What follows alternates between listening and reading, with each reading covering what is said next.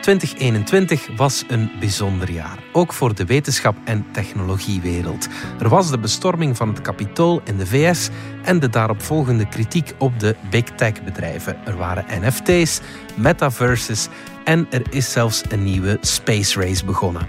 Het is vrijdag 24 december. Ik ben Alexander Lippenveld en van de Standaard is dit Bits en Atomen.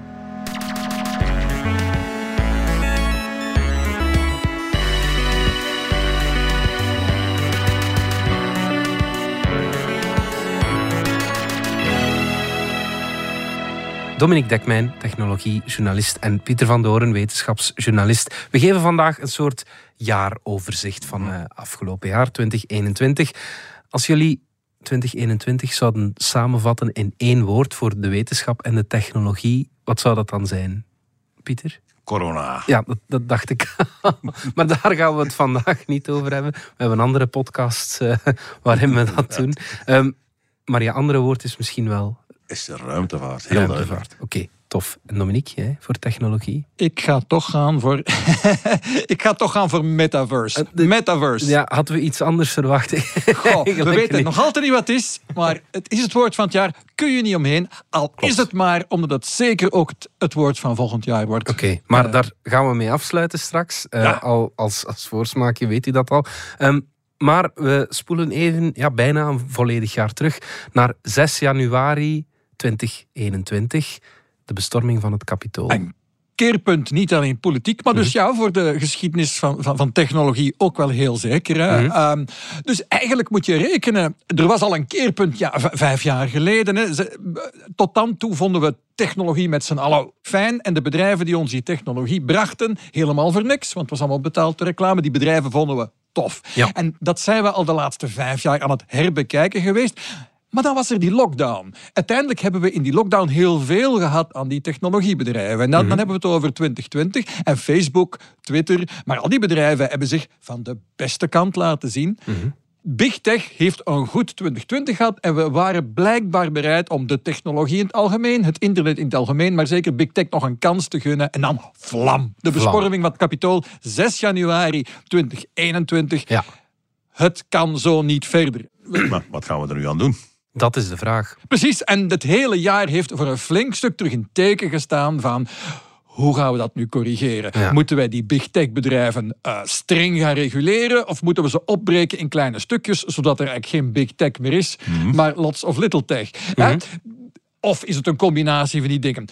En dan uh, was er ook een ander sleutelmoment dit jaar. En dat was 5 oktober. En dat was toen Francis Haugen in de Amerikaanse Senaat pleit voor, ja, we moeten die, uh, die hele technologie anders gaan mhm. aanpakken. Mhm. Met name dan gericht op Facebook, want ik heb het over de Facebook-klokkenluidster. Dus zij, heeft, zij was bij Facebook, mee in het team dat de verkiezingen moest rechttrekken. Mm hè?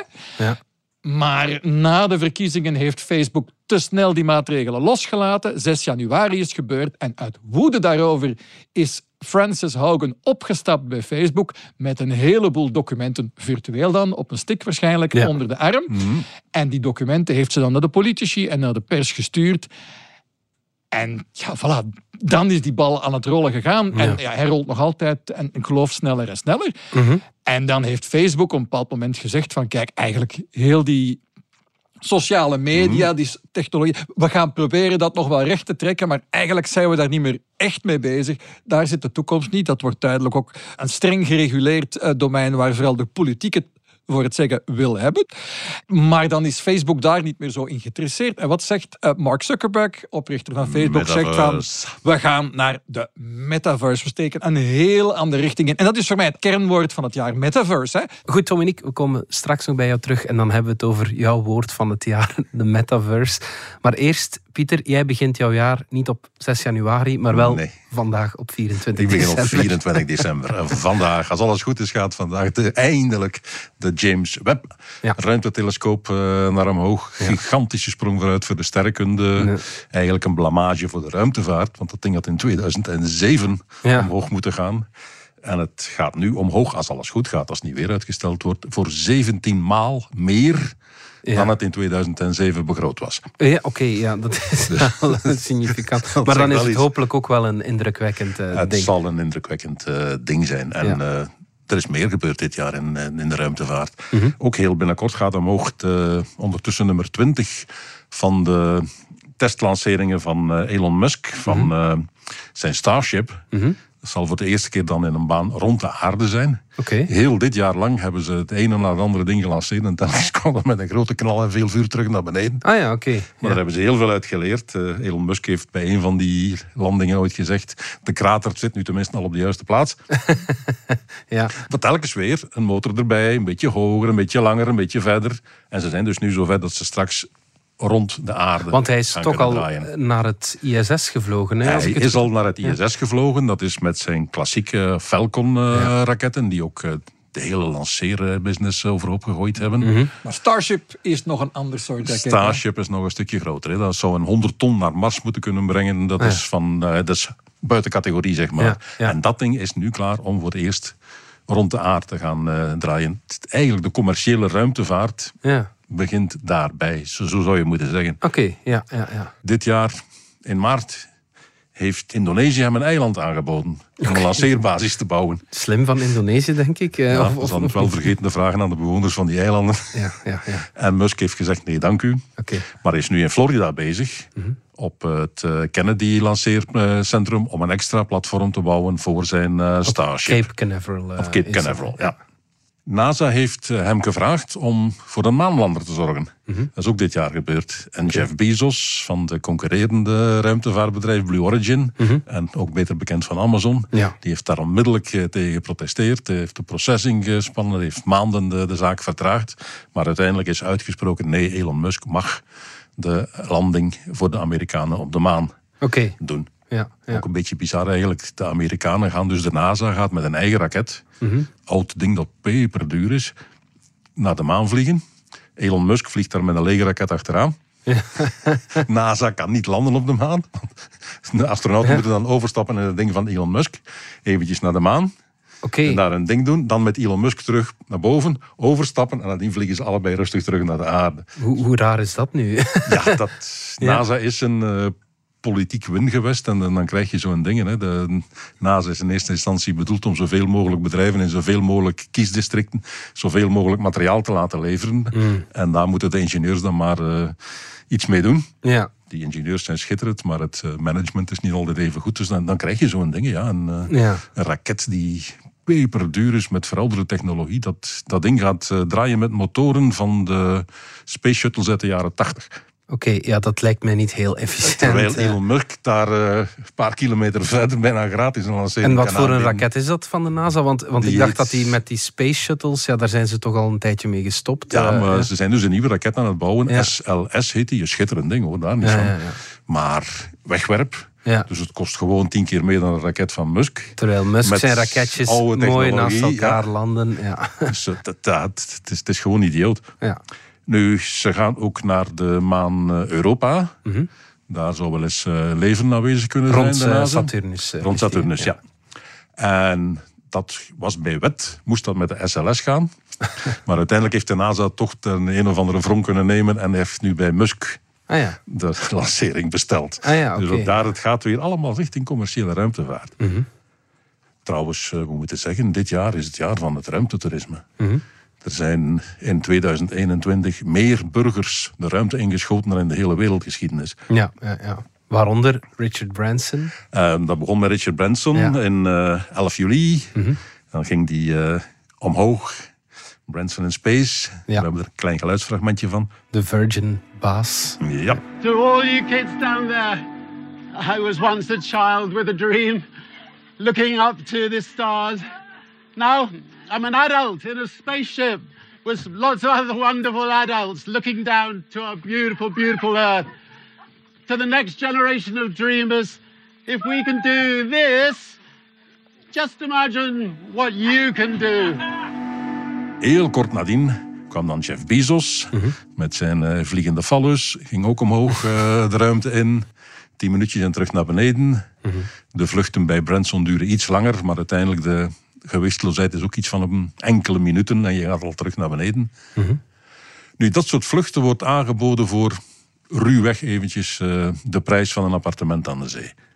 Dat zijn dus dingen die niet meer alleen voor de voetballers en de superrijken zijn. Dat begint in de buurt te komen van gewone mensen. Ja, bon. Het huis van gewone mensen. Het huis van gewone mensen. Uiteraard. het, het, is, het is nog niet alledaags, maar het is zover als een generatie geleden dacht ieder, hoopte iedereen van één keer in zijn leven naar Amerika te kunnen vliegen. Ja. Voor de meeste mensen zou dat er nooit van komen, maar iedereen kende wel iemand die toch al eens in Amerika geweest was. Ja. Dit is ook zo. Straks zijn we zover dat iedereen toch wel iemand kent die al eens in de ruimte geweest is.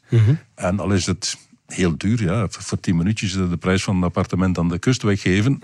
Maar het zit zo net, ja, had je het echt zo willen, zou je het kunnen.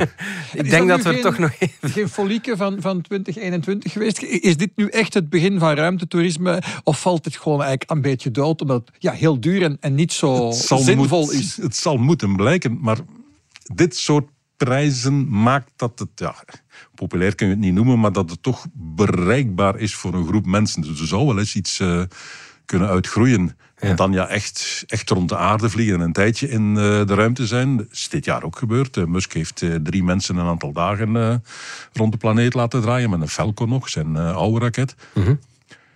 Die hebben iets van, ja, het is niet bekendgemaakt, maar grofweg iets van een 20 miljoen per kop betaald. Mm -hmm. Dat zijn andere bedragen. Maar het zou me niet verwonderen dat soort kleine vluchtjes zoals Richard Branson die gaat aanbieden, eventjes heen en weer. En dan krijg je een uh, ding opgespeld, dan word je lid van een exclusieve club en zo verder. Ja, dat, dat, dat toch ja. een aantal mensen uh, gaat verleiden. En dat daar misschien toch wel iets meer in zit dan, dan zomaar een folie. Mm -hmm. uh, ruimtehotels, de Russen zijn er eentje aan het bouwen. Gaat aan het ISS hangen is niet groot, een uh, klein kamertje. Het formaat van deze studio of nog kleiner. Ja. Maar het is er wel en die gaan dus straks uh, toeristen kunnen een uh, plekje geven in het ruimtestation. Mm -hmm. Ze hebben er trouwens al een aantal meegenomen dit jaar. Ja, oké. De eerste filmploeg is dit jaar naar het ruimtestation gevlogen. Ja. Dat is toch ook al commercieel en, en burgerlijk. Dat heeft weinig met klassieke ruimtevaart te maken. Mm -hmm. Waren ehm, twee Russen en een uh, Russische cosmonaut zijn naar het ruimtestation gegaan, zijn daar tien dagen gebleven om een filmopname te maken. Ja. Tom Cruise was daar uh, niet echt blij mee. Die, had gehoopt zijn, van de eerste ja. te zijn. Die is bezig met een nieuwe versie van een Top Gun film. Ja. Maar ja, die heeft dus pech. Het, uh, hij is niet meer de eerste. De leukste ruimtetoerist vond ik wel Captain Kirk. Absoluut. Ja. Is met chef Wisos uh, meegegaan, was 90 jaar. Ja. Is daarmee meteen uh, de oudste mens die ooit in de, de, ruimte geweest is. De vorige was denk ik John Glenn, die was 77 als ik het goed heb. Mm -hmm. Dus 90 is toch wel de moeite. En hij was ook echt, echt, echt onder de indruk. Ja. William Shatner heet hij eigenlijk. Uh, ja. Maar we kennen hem allemaal als Captain als Kirk Captain uit Kirk. tv-series.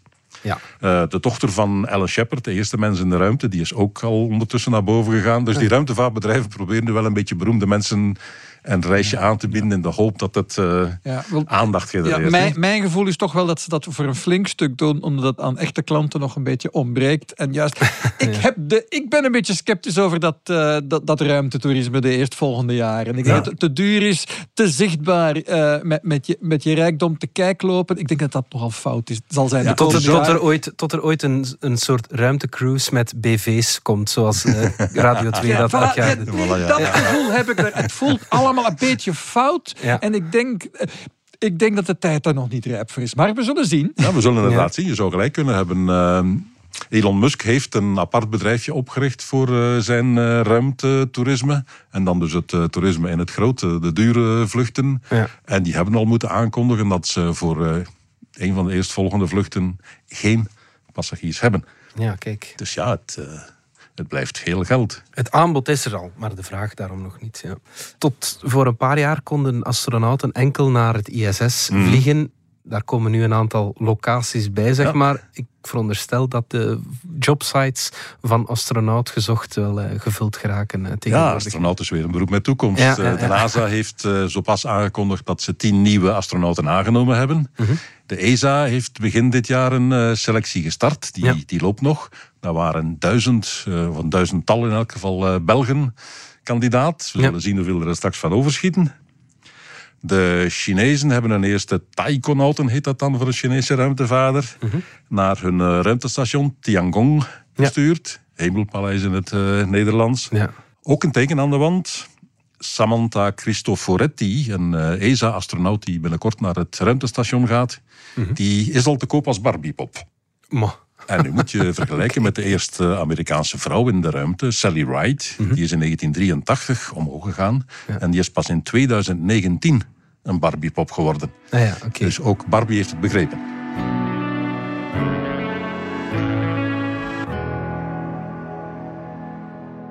Van de universe naar de metaverse, Dominique ja, dat is jouw woord van het jaar, zeg maar. Ja, uh, ja. En, eh, dus ik praat er veel over met collega's en met uh, mensen op Twitter en zo. En, en, ja, heel veel mensen denken van in het begin al, uh, dat is allemaal onzin. Ja, dat is allemaal een grote zeepel, dat is allemaal niet waar. En dat is een gevaarlijke manier van denken. Mm. Want af en toe komt er zoiets nieuws vanuit onverwacht en dan gebeurt het toch. En dus we weten het allemaal niet met die mm. metaverse, maar toch is het het woord van het jaar, het begrip van het jaar, omdat het aan de ene kant, ja, het begin van het jaar had niemand ervan gehoord. Mm. Pas echt tegen de zomer heeft Mark Zuckerberg gezegd: voor ons is de metaverse de toekomst. Mm. Niet die oude sociale netwerken, niet dat oude internet, maar een internet waar je binnenstapt in de vorm van een 3D-avatar en waarin dat Pieter, Alexander en ik zitten we allemaal in ons kantoortje thuis of aan de andere kant van de wereld, mm. maar we komen hier dan virtueel samen in de vorm van onze avatars die eruit zien als wij zelf of helemaal anders. En we doen dit allemaal virtueel. Is dat nu zinvol? Dat weten we nog niet. Maar in ieder geval, uh, een van de redenen dat Facebook zich heeft omgedoopt tot Meta en gezegd heeft van die sociale netwerken, dat is een beetje voorbij, we gaan het mhm. hebben over de metaverse, is omdat Big Tech onder vuur staat, veel kritiek krijgt, het onderwerp van gesprek wilde veranderen. Mhm. Mhm. En ook wel dat ze ergens naartoe willen die dat niet zo streng gereguleerd gaat worden. Dat is één beweging. Daarnaast dat metaverse-begrip, dat had uh, Mark Zuckerberg helemaal niet uitgevonden. Dat woord bestond al, al enkele decennia. En vooral... Het kwam uit een boek, hè? Het uh, boek? boek van uh, Neil Stephenson, ik denk 1996. Maar dat is het woord, het begrip als dusdanig van een driedimensionale ruimte geschapen in een computer waar je als persoon kunt in rondhangen, is al van de jaren tachtig uh, bezig in, de science fiction. wat men de, de, cyberpunk heet, uh, filmwaarachtige science fiction. William Gibson in de jaren tachtig had daar, dat daar al over. En een heel duister idee is dat in de sci-fi altijd. Mhm. En daarom is het zo gek dat men dat nu als een positieve term heeft omarmd. En dan is het ook niet onbegrijpelijk dat heel veel mensen daarop staan te kijken en zeggen van ja, maar dat wil ik hm. helemaal niet. Hm. ik wil niet heel de dag met zo'n uh, eh, VR-bril op, uh, of als het dan een AR-bril, een augmented reality-bril, dat ik de echte bureau nog, maar ik zie daar dan een virtuele persoon staan door mijn AR-bril. Uh, eh, maar er is heel veel opwinding ontstaan, want een heleboel bedrijven waren daar al jaren aan hm. bezig. En plots heeft dat superveel aandacht gekregen. En voor een stuk zit heel dat corona-verhaal daartussen. Want mhm. eigenlijk, vijf, zes jaar geleden was ik super opgewonden over virtuele realiteit. Die brillen mhm. waren toen helemaal nieuw. Uh, er waren hele fijne games gemaakt voor virtuele realiteit. Maar wat er toen niet gekomen is, een echt een interessante toepassing voor gewone mensen. Dat eigenlijk games. En eigenlijk was virtuele realiteit, ondanks al die opwinding, hoge verwachtingen rond 2015 is eigenlijk een beetje niks geworden. Het was mhm. eigenlijk een beetje aan het leeglopen. En ja, dat kon er niks nuttigs mee doen uiteindelijk. Zitten we opeens allemaal thuis opgesloten. Ja. En dan is dat hele idee van, ja, maar als we nu eens virtueel een feestje mm houden, opeens klinkt dat nog zo gek niet. Dus ik denk met die lockdowns in 2020 is het idee weer leefbaar geworden mhm. van virtuele realiteit van vijf jaar geleden. Heruitgevonden. Dus die metaverse, er is iets aan het gebeuren. Hoe groot wordt dat? Ja, dat weten we niet. Maar het is nu niet dat door die lockdown iedereen zo'n zo'n bril in huis gehaald heeft. Omdat, uh, heel veel mensen wel. Heel veel mhm. mensen wel. Dus dat is zeker gebeurd. Hè? Dus er mhm. zijn heel veel mensen hebben zo'n uh, Oculus Quest bril. Dat was de beste VR-bril die je kon kopen. Dat kostte maar een paar honderd euro. Best wel maar dan spreken het is we geen appartement aan de zee mensen. We spreken niet over een miljard mensen. Mark Zuckerberg zegt, binnen tien jaar zitten een miljard mensen in die metaverse. Wel, nu zitten daar enkele honderdduizenden mensen. Je zal daar inderdaad wel een goede bril moeten kunnen leveren, of het zal niet ja, ja, voilà. Dus die, dus die bril, daar staat of valt het eigenlijk mee. Hè? Als je inderdaad een bril kunt maken die op een gemakkelijke manier op je neus kunt zetten en waarmee ik dan Pieter op bezoek kan hebben in mijn living of vice versa. Mhm. Eh, voor het werk, mhm. voor privé, om te spelen of om te werken. Ja, dat kan best aantrekkelijk zijn. Maar die bril moet nog gemaakt worden. Nu, volgend jaar gaan we alleen maar meer opwinding erover hebben, meer hype rond de metaverse. Ik voorspel het al. Waarom? Omdat iedereen ervan uitgaat dat Apple een bril, maar dat wordt dan de ja, als het Apple AR is, dan is het VR-bril worden. Pas tegen het einde van het jaar. Dus de hype gaat alleen maar toenemen. Want hmm. zelfs als iedereen denkt, het is misschien flauwekul, gaan ze toch zeggen, ja, maar Apple heeft ook zo'n bril. En als, als Apple, het doet, dan wordt het cool. Ja, dan is het moment gekomen. Ja, dat is in het verleden al wel, de afgelopen 25 jaar al wel een paar keer mhm. gebeurd. Dus waarom zou dat niet nog eens gebeuren? Dus ik voorspel, volgend jaar blijft de metaverse overal tot en met het moment dat Apple zijn ding laat zien. Valt dat dan een beetje tegen, dan kan het wel zijn dat er een klein beetje lucht mhm. uit, die zeepel gaat. Dat kan zeker wel. Maar alvast niet voorlopig. Laten we ervan uitgaan dat we volgend jaar nog heel veel over de metaverse zullen horen. En in die metaverse, Dominique, daar gaan we ongetwijfeld moeten ja, NFT's. Uh, ja, dat is het andere woord wat, uh, van dit jaar dat nog niemand snapt. Ja, ja. NFT's, hè, dus die non-fungible tokens op de blockchain vastgelegde bewijsjes dat je eigenaar bent van iets. Of misschien is het niets. En waar er uh, gekke prijzen in gaan. Hè. Dus mensen voor een tekening van een aap die een beetje verveeld voor zich uitkijkt. Zo'n Board Ape Yacht Club tekening, avatar. Hè, wordt nu vlotjes ook zoveel geld betaald als voor een appartementje aan de kust of een tochtje naar de ruimte. Ja. Kun je nog kiezen of je liefst uh, eh, 30 seconden in de ruimte wil zijn of het bedrag van een huis uitgeven aan een tekening van een aap. Ik zou, ik zou... Maar die app is dan wel jouw avatar in de metaverse. Want zo hangt het allemaal in elkaar. Ik zal toch meegaan met Pieter naar de. Misschien eerlijk te zijn. Nu, er is eh, steeds meer plaats om mee te gaan. Er is een volle race naar de maan bezig. Er is een race naar Mars bezig. Dus uh, ja, in de ruimte is wel wat te beleven deze tijden. Mhm. De maan tussen 1976, de laatste, of het was zelfs vroeger nog de laatste maanlanding, ergens begin jaren 70. Ja, 72 denk ik. De eeuwwisseling is er niemand of niets op de maan geweest. Mhm. En dan plots zie je de ene landing na de andere. En nu, eh, nu kan het niet meer op. Hè. De, Chinezen zijn ondertussen geland op de achterkant van de maan. Mhm. India is naar de maan geweest. Uh, Israël is op de maan geland. Het was een buiklanding, maar goed, ze zijn er wel geland. Ja. De Amerikanen willen terug naar de maan en ze willen er een basis uh, plaatsen. Het zal een beetje tegenvallen, want hun ruimtepak is niet klaar. Mm, en bovendien is het ruimtepak breder dan de deur van een capsule. Ja. Dus uh, ze hebben nog wel een beetje werk. Ze hebben nog geen lander, maar die hebben ze bij Musk besteld. Maar ze zijn bezig. Ja. De Chinezen hebben al aangekondigd dat ze een permanente basis willen op de Zuidpool van de maan. Daar is het meest water te vinden. En water is nogal uh, duur op de maan. En de Russen hebben aangekondigd dat ze meedoen met de Chinezen. Ja. Wat de Amerikanen dan weer niet zo leuk vinden. Het is terug, uh, ja, Koude Oorlog. Ja, zoiets. Ja? ja. Erdogan heeft aangekondigd dat hij uh, in 2023 naar de maan wil. Niet hij zelf, maar op zijn minst uh, een Turk. Oké, ja, ja, Dus er is een enorme wedloop bezig, ook wapenwedloop. de Russen hebben dit jaar een, een eigen satelliet in stukken geknald. Gewoon om te, te bewijzen dat ze het konden. Ja. Iedereen heeft daar schande van geroepen. De Amerikanen en Chinezen eerst, maar die hadden het vroeger al gedaan. Dus, uh, gewoon geschoten op een ding? Gewoon die, die satelliet vernietigd om te bewijzen van jongens, hou rekening met ons, wij kunnen jullie satellieten vernietigen. Dus ze weten nu alle drie van elkaar dat ze het kunnen. Ja. Dat wisten ze eigenlijk voor tien ook, maar hè, een bewijs is toch nog iets anders. Ja. De Chinezen hebben voor het eerst dit jaar een hypersone kernbomraket gelanceerd. Mm Ook weer een bewijs van technisch gaan we vooruit de ruimte in. De Amerikanen hebben een uh, tuig gelanceerd, DART heet dat, dat een uh, planetoïde uit haar baan moet stoten. Ja. Gewoon door er een uh, stevige knal tegenaan te geven en zo een beetje uit zijn baan te duwen. Ja, ja, Armageddon inderdaad. Ja. En waarom willen we nu plots terug naar de maan? Ja, er is uh, glorie te bereiken natuurlijk. Het mhm. is ook een opstap naar Mars. Hoewel dat misschien niet de beste keuze is. Maan en Mars zijn toch twee totaal andere dingen. Mhm. En je gaat op de maan een aantal dingen leren. En het is dichter bij huis. Als het fout gaat, je kunt nog terug. Maar of maan altijd uh, een goede leerschool voor Mars is, dat, dat, weet ik niet. Napoleon die heeft ooit gezegd, als je Wenen wil veroveren, dan moet je Wenen veroveren. Mhm. Daar heeft hij gelijk in. Ja. Elon Musk heeft al lang gezegd dat hij uh, op Mars wil sterven. Mhm. Niet bij de landing voegt hij er dan steeds aan toe. Die denkt aan echt een Marsbasis. Mm Goed, dat kan misschien een droom zijn, dat weet ik niet. Maar ondertussen, uh, begin van het jaar, uh, heb ik eh, zelf op mijn nagels zitten bijten bij de Seven Minutes of Terror. Ja. Toen de Amerikanen hun jeep lieten landen. Ja. En het leukste van die jeep was wat er onderaan hing.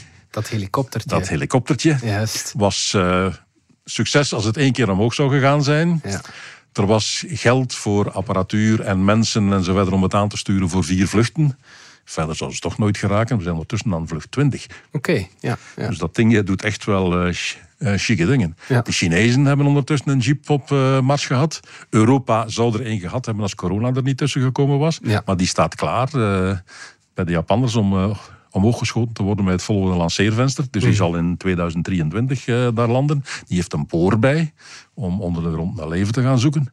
Dus men is inderdaad volop bezig met Mars. Hè. De Arabieren, de Verenigde Arabische Emiraten, hebben een sonde rond Mars hangen. Al-Hamal, of Al-Amal, sorry, Hoop. En die hebben al gezegd dat ze tegen ja, binnen 100 jaar zeker een stad willen hebben, een Arabische stad, op Mars. Ja. Dus okay. uh, ja, het is, het is, wel een en ander. En waarom willen we dan eigenlijk zo graag naar Mars? Ja, weer hetzelfde. Glorie, hoop dat er uh, geldgewin uh, te beleven is. Maar vooral eigenlijk als overloop voor de aarde, als plan B, als tweede planeet. Als het hier echt fout gaat, mm. zeg het volgende virus of een kernoorlog of en inslaande planetoïden, zoals de dinosaurussen overkomen is, dan hebben we tenminste op Mars nog een tweede kans om daar verder te gaan. Dat is een beetje de, de logica. Wel een idee waar, waar ecologen uh, heel boos over zijn.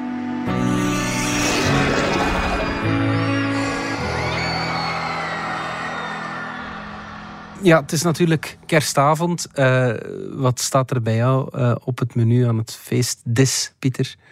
Ah, dinosaurussen. en hoe smaakt dat? als kip, vermoed ik dan, Pieter? of als kalkoen? Nu, het zou dus best kunnen dat uh, dinosaurussen inderdaad een, ergens een gevogelde smaak hadden. Ja, Kip. Maar het kan ook eend zijn. En uh, mensen die alleen geproefd hebben, er is verschil tussen wilde eend en uh, tamme eend. En ja. dat smaakt anders. Mm -hmm. struisvogel is ook een vogel, dat smaakt weer anders. Dat is, het, dat is meer biefstuk Dat zit al dicht in, in de biefstuk, zo ja. groot van vlees. Ja. Duif smaakt weer anders. Dus er zit wel verschil op. Mm.